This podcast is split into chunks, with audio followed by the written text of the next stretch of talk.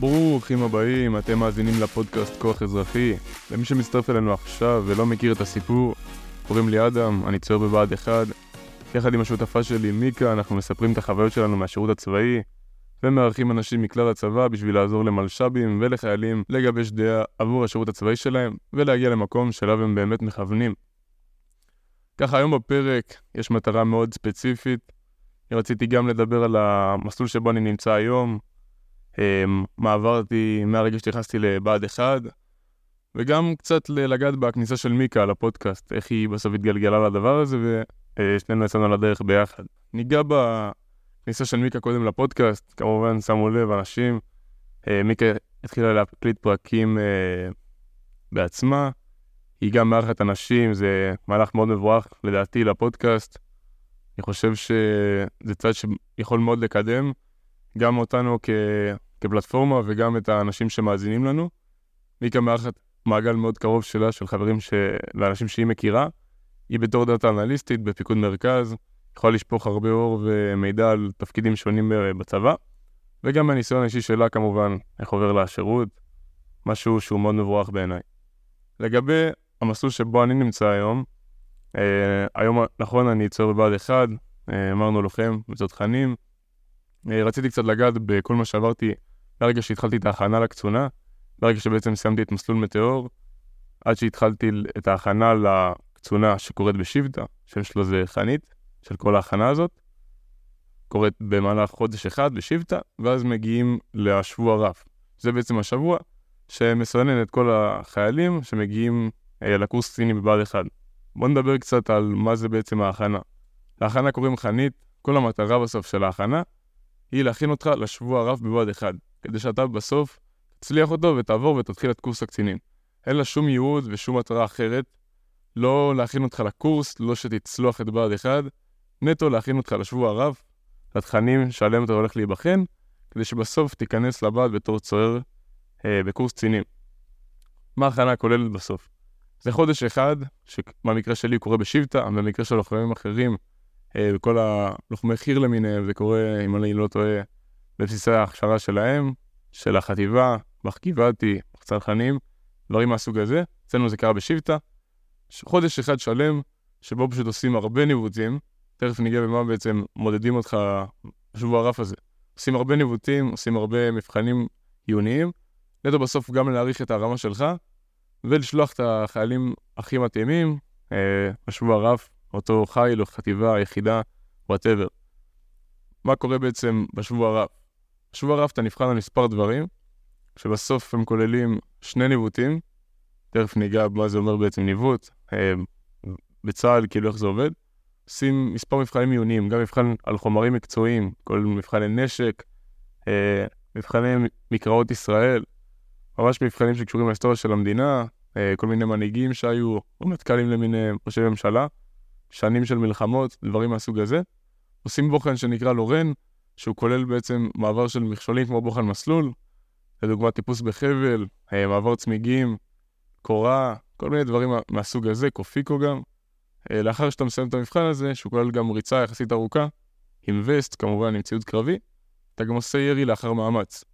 אתה מגיע ממש למטווח, אה, עושה איזושהי ריצה, וצריך לבצע ירי של מספר כדורים למטרה ולהוציא הישג נדרש של, אם אני לא טועה, תוצאה של מעל 60, ותוצאה הישגית כזאת של מטווח. כמובן, בנוסף לזה, יש אה, בוחן המנון, שממש אתה יושב מול דף, וצריך לכתוב את ההמנון של המדינה. נשמע קצת מצחיק, אבל uh, זה פשוט, בסוף איזה משהו בסיסי כזה שכולם צריכים ללמוד ולעשות. נטו מבחן בסיסי, לרשום את ההמנון של המדינה, לפי הפסקאות, לפי המילים בשורה, לפי הניקוד וסימני הפיסוק. לגבי ניקוד אני לא סגור, אבל כן uh, סימני פיסוק. ולבסוף אתה נמדד בבוחן קש"ג, בוחן כושר גופני, נטו לעשות ריצת ברור, ריצת שלוש קילומטר, ובוחן של uh, עליות מתח ומקבילים. אלה תנאי הסף, אם אני לא טועה, אני לא סגור על התוצאה לגבי בנות, אני כן יודע שלגברים לפחות בתותחנים צריכים לעשות עד 12, 45, לא, תוצאה עוברת, אם אני לא טועה, עד 14. עד 14 דקות לגברים, מבחינת מתח צריך לפחות לעשות 7 עליות מתח, וזהו בנוגע לזה. איך ניווט עובד בצה"ל?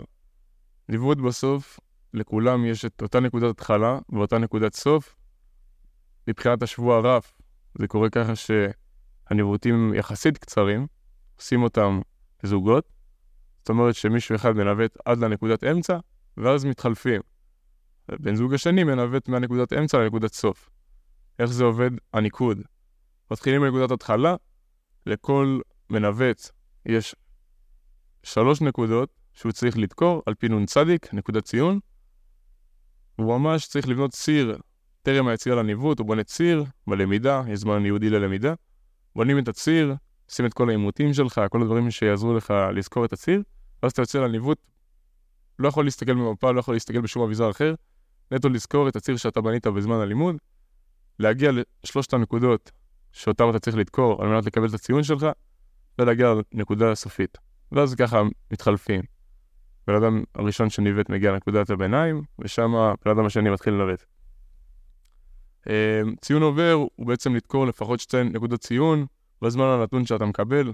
אתה מקבל זמן גג שהוא כביכול אתה צריך להגיע לנקודה הסופית שלך עד השעה הזאת, כל בהתאם לאורך הציר שאתה בנית לעצמך. אתה עובר אישורים מול המפקדים, וככה יוצאים לניווט. צריך לדקור לפחות שתי נקודות מתוך השלושה, על מנת לצלוח את הניווט מבחינת הציון. יש שתי ניווטים כאלה במהלך השבוע הרב. אז באמת, אה, אני הגעתי לשבוע הרב, אה, מן הסתם אני צוער, באמת עברתי אותו.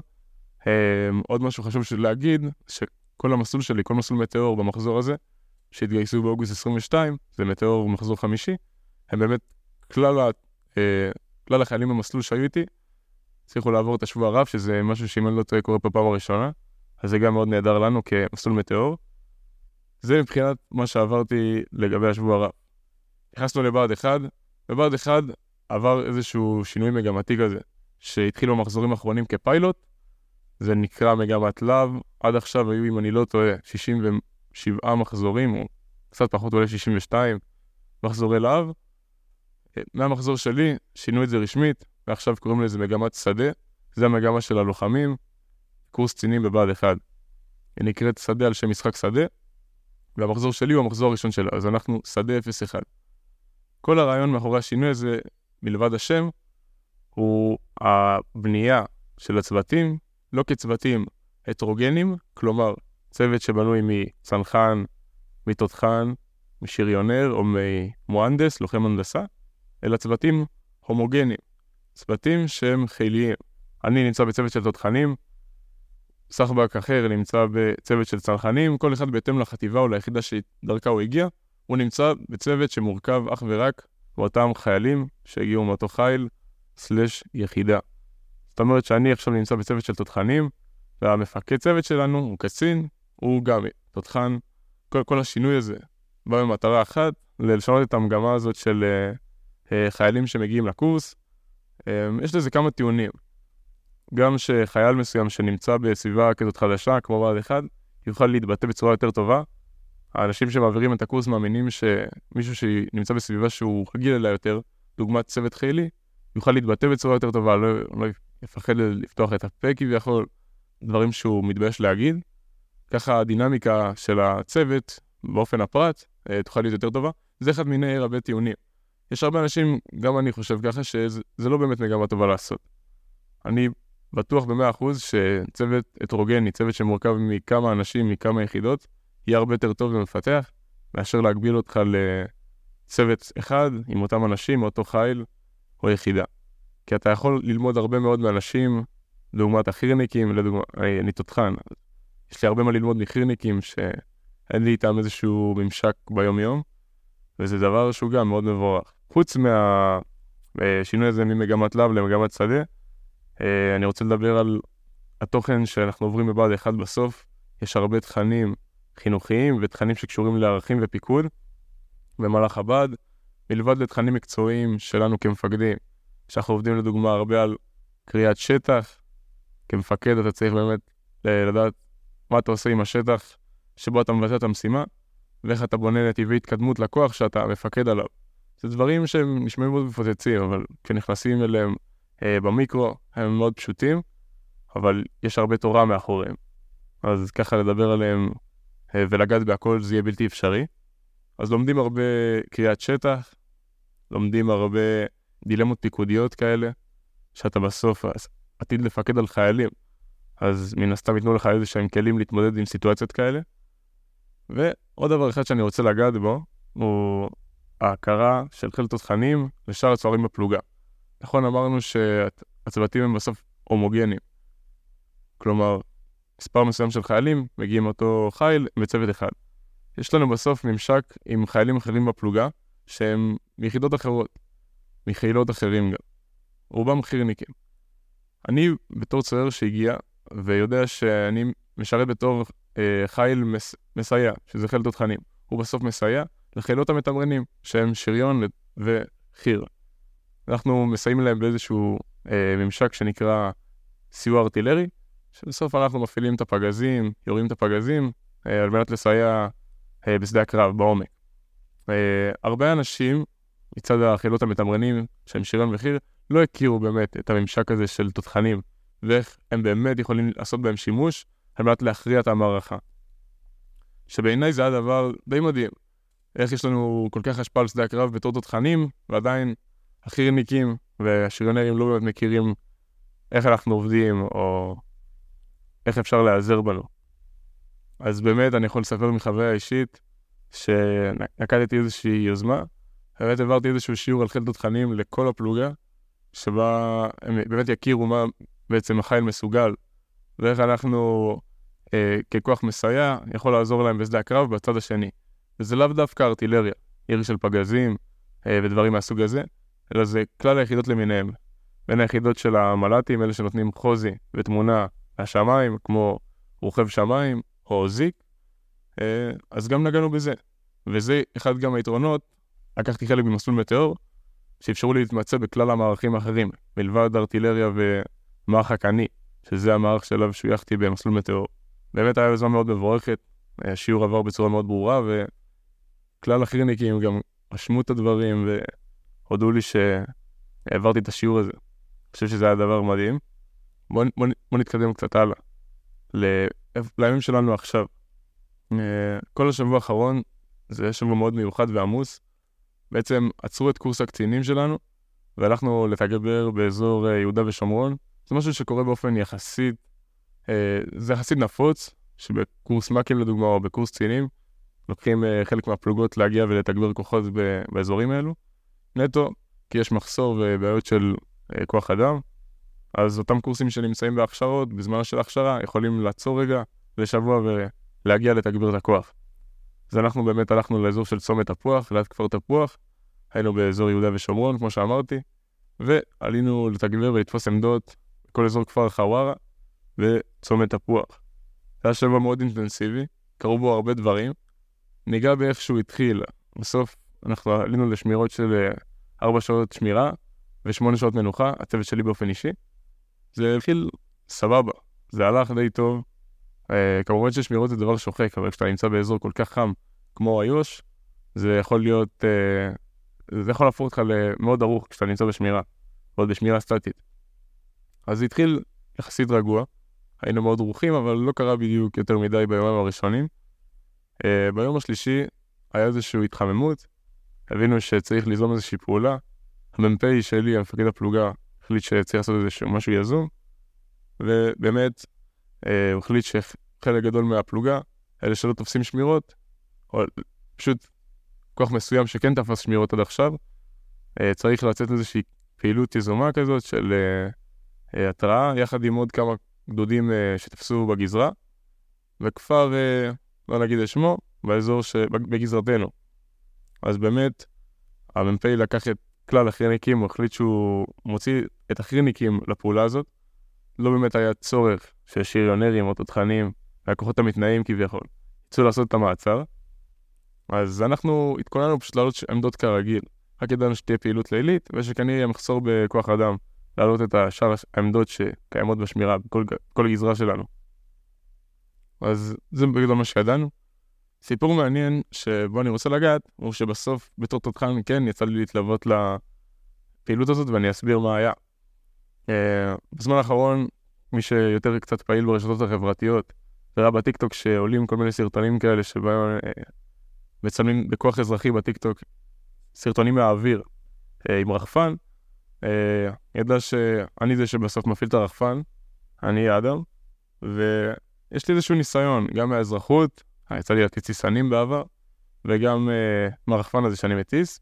זה איכשהו התגלגל לידיעת המ"פ, הבינו שצריך, שיכולים לעשות שימוש, זה לא בהכרח אה, צריך, אבל כן יכולים לעשות שימוש במישהו שיפעיל רחפן וייתן חוזים מהאוויר, תוך כדי שהם מגיעים לאיתורים, לאותם בתים, שצריך להיכנס ולחפש בהם אמצעי לחימה ונשק שהוא לא חוקי.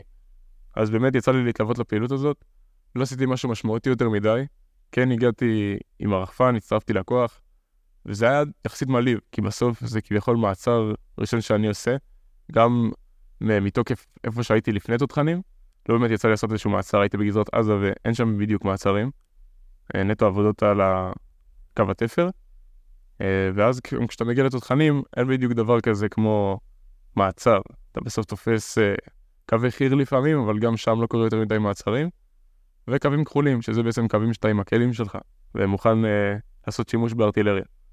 אז בשבילי זו הייתה חוויה מיוחדת, אנחנו מגיעים לכניסה של הכפר, דורכים נשקים, אתה כל הזמן נמצא עם כדור בקנה, שזה דבר מלחיץ בפני עצמו, כי כל הסיטואציה נהיית הרבה יותר רגישה, אתה צריך להיות מוכן לכל תרחיש, כל מה שלא יקרה, ואנחנו נכנסים לכפר, נמצאים באיזושהי אה, הליכה מבצעית, מגיעים אל עבר היעדים, אנחנו נכנסים, עושים את התישול של האנשים, אצלנו היה אנשים, יש לנו חבר'ה גם אה, מדובדבן, וכאלה חבר'ה שדוברים ערבית, אז הם באמת עשו את כל התישול והתחקור של האנשים בתוך האיתור. אה, אנחנו מגיעים, באמת מתחילים לנקות את החדרים, לנקות במרכאות, כביכול אה, לוודא שאין שם אויב או מישהו שמחכה לנו, ולאט לאט עולים את הכמה קומות, מגיעים למעלה, אני פורס את הרחפן, ובסוף כל העבודה שלי הייתה להיות מעל המבנה שהיינו בו, לוודא שאין איזושהי התקהלות, ואויב שמגיע לעשות איזה שהם בעיות או דברים לא רצויים. בשבילי זה היה באמת מרגש, כאילו, פעילות כאילו מאוד מגניבה, וגם לעסוק במשהו שמאוד מעניין אותי, שזה היה כל הקטע עם הרחפן. אה, דבר מאוד מגניב. בסוף, כן, אה, את הרחפן, אה, מקפלים את הדברים, וברוך השם, כל הפעילות עברה בשלום. קפלנו משם וחזרנו למוצב שבו היינו, באיו"ש. זה כל זה קרה ביום שני.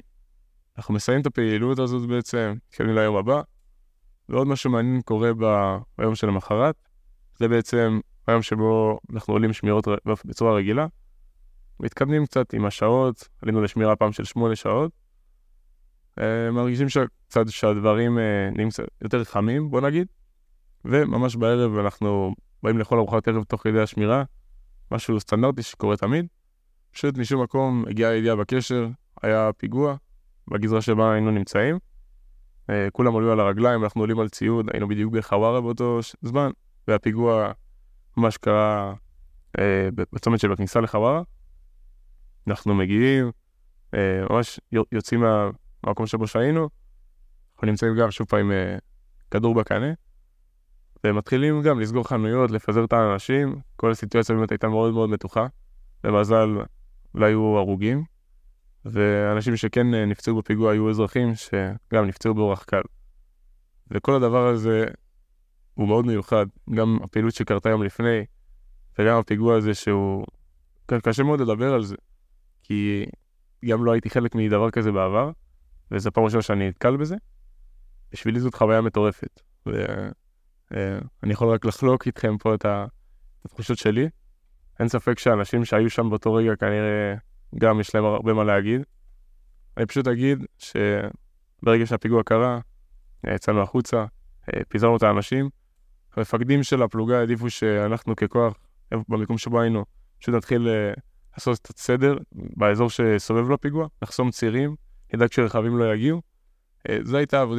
עבודתנו בגדול כשהיינו בגזרה שם. אה, זה היה שבוע מאוד אינטנסיבי. המשכנו כמובן אחרי זה בשמירות, וכמובן גזרה שאחרי שקורה בפיגוע נהיית הרבה יותר מתוחה, אז צריך הרבה יותר כוח אדם, ולנו לא בדיוק היה את הכוח אדם הזה. אז היינו צריכים לעלות לשמירות הרבה יותר ארוכות, ובשלבים האלה אתה ממש מרגיש את השחיקה שקורית. זה באמת אחד החלקים היותר, לא אגיד, של... לא אגיד יותר שליליים, אבל כן בהחלט שוחקים. אה, כשאתה משרת בלוחמה, אבל צריך להבין שבסוף אנחנו כקורס תמיד אמרנו לעצמנו כל השבוע הזה, זה יכול להיות מאוד שחור, אם זה מה שלוחמי חי"ר עושים במהלך תפיסות קו של ארבעה חודשים, עולים רק לשמירות, וחשוב להגיד שזה לא באמת ככה. כשהכוח האדם שלך כגדוד הוא הרבה יותר גדול, אז אפשר לתכלל את הכוח בצורה יותר יעילה, ככה שהכוח לא יישחק, או במידה והוא כן קרוב להישחק, מפקדים טובים ידאגו לזה שהכוח שלהם יתעסק בדברים קצת יותר רלוונטיים, כאלה שלא ישחקו אותו. וככה אתה בעצם, זה מה שהופך מפקד למפקד טוב, וגם הדרך שבה אתה מתעסק עם, ה, עם האנשים שלך, בהצבה שלהם בשמירות ובעמדות כאלה ואחרות.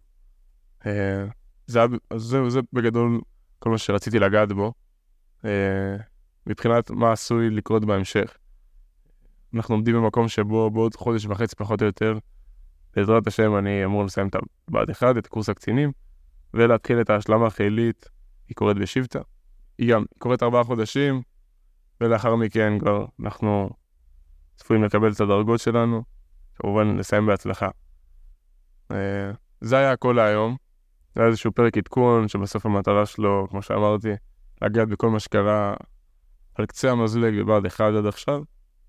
וגם רציתי מאוד לדבר על השבוע האחרון הזה שעברנו בכל גזרת uh, תפוח וחווארה, שהייתה משהו מאוד מלמד, וגם uh, איזושהי צבירת uh, ניסיון מבצעי, גם לי וגם לחבר'ה שהיו איתי.